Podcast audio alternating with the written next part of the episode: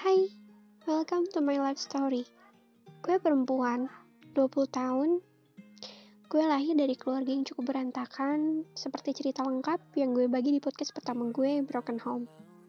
Kali ini gue lagi pengen cerita gimana rasanya jadi korban silent treatment selama hampir 14 tahun. Lo bisa bayangin, selama 14 tahun, gue disiksa hebat secara mental, tapi gue masih bisa waras sampai sekarang.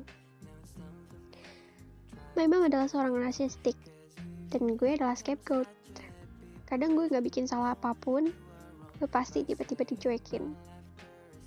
Kita mulai ceritanya.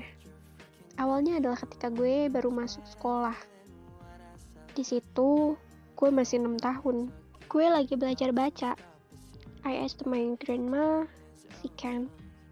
Dia buta huruf, but my grandma tetap nemenin gue belajar baca memang lagi teleponan sama doinya. But karena gue masih 6 tahun saat itu gue ngambek dan banting pintu lemari.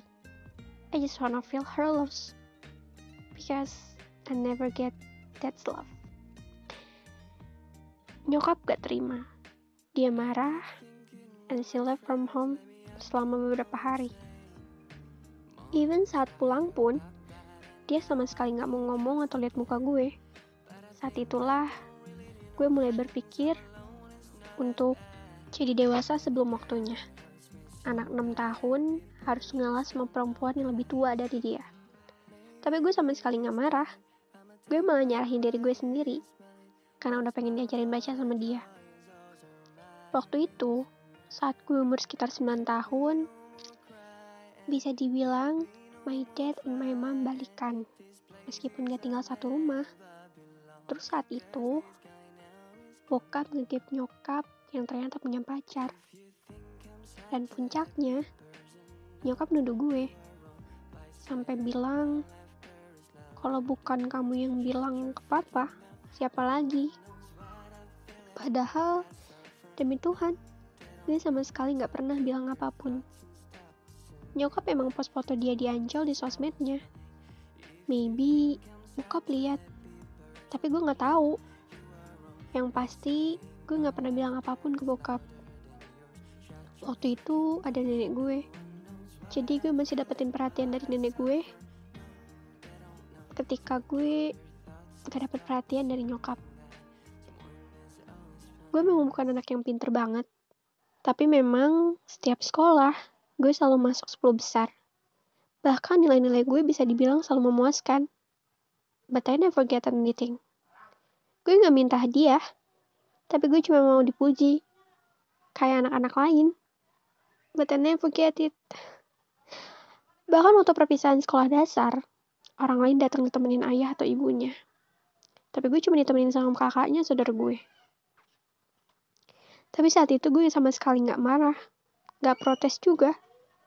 Gue sangat tahu diri, posisi gue itu di mana, dan gue siapa gue selalu jadiin sebagai scapegoat sama nyokap. Masalah dia, semua akarnya adalah gue. Mungkin di matanya begitu. Gue sedih sih. Sakit juga. Tapi seperti pilihan gue sebelumnya, kalau gue harus tetap ngalah sama dia. Ada satu kejadian yang gak pernah gue lupain sampai saat ini. Gue adalah anak yang treat dia like a queen dari umur 6 tahun. Gue selalu sisihin uang jajan gue untuk beliin roti besar buat dia setiap hari ibu. Gue sering edit foto atau video untuk ucapan di hari itu. Gue sesayang itu sama dia. Tapi waktu itu ada orang yang dipercaya sebagai orang pintar lagi ngobrol-ngobrol bareng keluarga gue. Dan emang lagi bahas tentang kenakalan remaja. Terus pas lagi bahas soal shisha atau rokok elektrik, gue jawab gue tahu bentuk dan cara pakainya. Tiba-tiba si orang pintar itu bilang gini, kok kamu tahu? Berarti kamu pernah pakai ya? Duh, hati-hati nih. Pergaulan dia udah gak bener. What the fuck? Stigma apa itu? Kenapa pengetahuan diartikan sebagai pengalaman? Kalau gue tahu sejarah ke-30 SPKI, apa itu berarti gue ngalamin kejadiannya? Dan parahnya, satu keluarga percaya kalau gue memang senakal itu gue ngomong ke nyokap pun dia bilang Ya nggak tahu lah. Kan kakak yang lakuin. Mama nggak tahu di belakang kakak kayak gimana. Lo tahu sakitnya. Padahal nyokap adalah orang yang bareng sama gue 24 per 7. Dia tahu keseharian gue gimana. Gue gak pernah main ke mana-mana. Gak mungkin gue nyisya di kamar yang bahkan pintu kamar pun gak pernah gue tutup. But nobody believe me. Satu keluarga nuduh gue bandel cuma karena stigma tanpa bukti. Cuma ada satu, tante gue yang percaya. Karena katanya, gue anaknya no life dan gak mungkin ngelakuin itu. Dia bilang, dia tahu gue kayak gimana. Meskipun mulut gue kasar, tapi gue gak akan mungkin ngelakuin kenakalan kayak gitu. Dan mamanya temen gue juga bilang, kalau mungkin gue nggak akan lakuin hal kayak gitu kalaupun ada kesempatan. Karena pada dasarnya gue itu nggak suka sama asap. Asap apa pun itu. Gue bisa batuk kalau ngehirup asap. Dan bagaimana bisa? Gue kepikiran untuk nyesya. Gue aja nggak suka sama rokok. Pernah, setiap kali gue pulang main, nyokap selalu jodohin gue meskipun gue pulang tepat waktu. Nyokap bisa diamin gue berhari-hari cuma karena itu. Tapi setiap orang bilang ke gue, kalau gue kurang pergaulan, dia selalu bilang, kalau I get freedom. Tapi dia bilang, meskipun gue dibebasin, gue aja yang mageran. Terus kejadian yang parah kemarin. Waktu gue ulang tahun yang ke 20 tahun. Ada dua orang yang kasih gue kado. Doi, dan Besti. Pertama Besti datang bawain kado dan memang kado dia belum gue buka sama sekali. Terus setelah itu gue keluar bareng doi gue. Setelah pulang, di situ gue pulang tepat waktu gak telat sama sekali. Gue buka kado dari Besti gue. Dan gue seneng banget.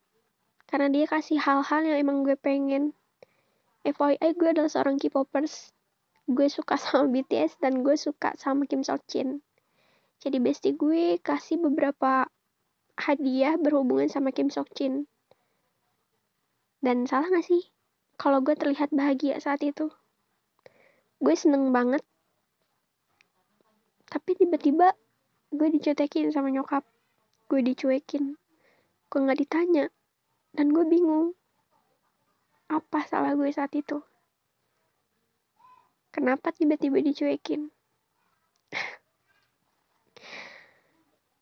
Terus ada lagi. Jadi doi waktu itu pergi ke Karawang. Dan emang setiap kali gue pengen beli ini atau beli itu, dia selalu bilang biar dia yang check out dan bakalan diantar ke rumah gue. Itu kejadian udah bukan sekali dua kali. Dan nyokap juga tahu kalau paket nanyain nama gue pakai nama panjang, itu berarti paketnya dari doi. Tapi kalau tukang paket atau kurir nanyain nama gue, nama panggilan, berarti emang punya gue. Dan FYI gue emang pengguna pay letter. Tapi gue gak maksain. Terus tiba-tiba ada tukang paket yang emang datang berkali-kali. Hari itu emang ada paket dari doi juga. Dan tiba-tiba nyokap bilang depan banyak orang, kamu mah belanja ini belanja itu ngutang mulu kerjaannya. Ya gimana ya? Siapa sih yang enak dikituin sedangkan itu paket bukan punya gue punya doi doi yang beliin gitu. Gue bilang itu bukan punya aku itu punya doi. Gue bilang kayak gitu dan dia nggak terima. Memang nada gue ada agak sedikit ngegas saat itu. Siapa sih yang terima dibilang kayak gitu depan banyak orang? Dan dia nggak nanya sama gue berhari-hari. Dia tahu gue lemah jantung. Dia tahu gue nggak bisa dengar suara bising. Tapi dia dengan sengaja ngebanting barang ini itu depan gue. Yang bikin jantung gue sakit banget.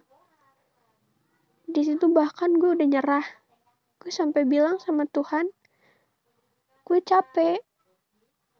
Kalau memang ini saatnya gue pulang gue mau pulang sekarang. Badan gue sampai sakit. Badan gue juga kecil.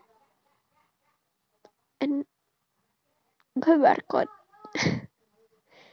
Gue nggak pernah ngelakuin barcode sebelumnya tapi hari itu saking capeknya saking frustasinya akhirnya gue barcode. Setelah doi pulang dari Karawang dia langsung nyamperin gue. Dan dia kaget. Lihat tangan gue yang udah nggak berbentuk itu. Dia sedih. Karena dia tahu gue bukan orang yang mudah untuk ngelakuin itu. Dan jujur, gue bisa nahan luka apa pun. Gue bisa nahan omongan-omongan jelek yang orang kasih ke gue. Gue udah biasa. Dianggap jelek, dikatain ini, dikatain itu, gue udah biasa. Tapi kalau itu udah berhubungan sama mental gue, gue gak kuat sama sekali. Dan parahnya, kalaupun kita ada masalah, gue dan nyokap ada masalah, tapi ketika bokap gue datang ke rumah, dia selalu berakting seolah gue sama dia baik-baik aja. Dia perhatiin gue. Dia tanyain itu. And it hurt me. Kenapa harus pura-pura? Padahal kan bisa apa adanya. Dan gue ngerasa gue hidup di lingkungan keluarga yang semuanya pura-pura. Silent treatment bukan pilihan yang pas untuk menghukum seseorang silent treatment itu adalah satu kejahatan menurut gue. Dan karena itu bisa ngebunuh seseorang. Gue memang hidup. Gue memang bisa nafas sampai sekarang. Tapi perasaan gue udah mati. Karena pelakuan itu. I lost myself. Dan buat kalian yang ngalamin silent treatment juga, atau pernah ngelakuin silent treatment ke orang-orang di sekitar kalian, please stop. Silent treatment bukan pilihan yang baik. Lebih baik ngobrol berdua dan selesaiin masalahnya bareng-bareng. Apa masalahnya dan gimana cara untuk menyelesaikan masalah itu. Jangan ngediamin orang. Seseorang yang mengalami silent treatment, dia bakalan mikirin merenungi kesalahan dia itu apa. Bahkan kalau lo diemin dia tiba-tiba itu bakalan nyiksa dia secara perlahan. Dia bakal mikir salah dia di mana. Gimana cara memperbaikinya. Karena ketika lo ngediemin orang tiba-tiba tanpa lo jelasin salah dia di mana dia akan berpikir keras sebenarnya salah dia itu apa? Dan gimana cara dia memperbaiki kesalahannya? It's bad dan tolong jangan lakuin itu lagi ya. Itu bukan pilihan yang bagus. Itu bukan hukuman. Tapi satu tindak pembunuhan.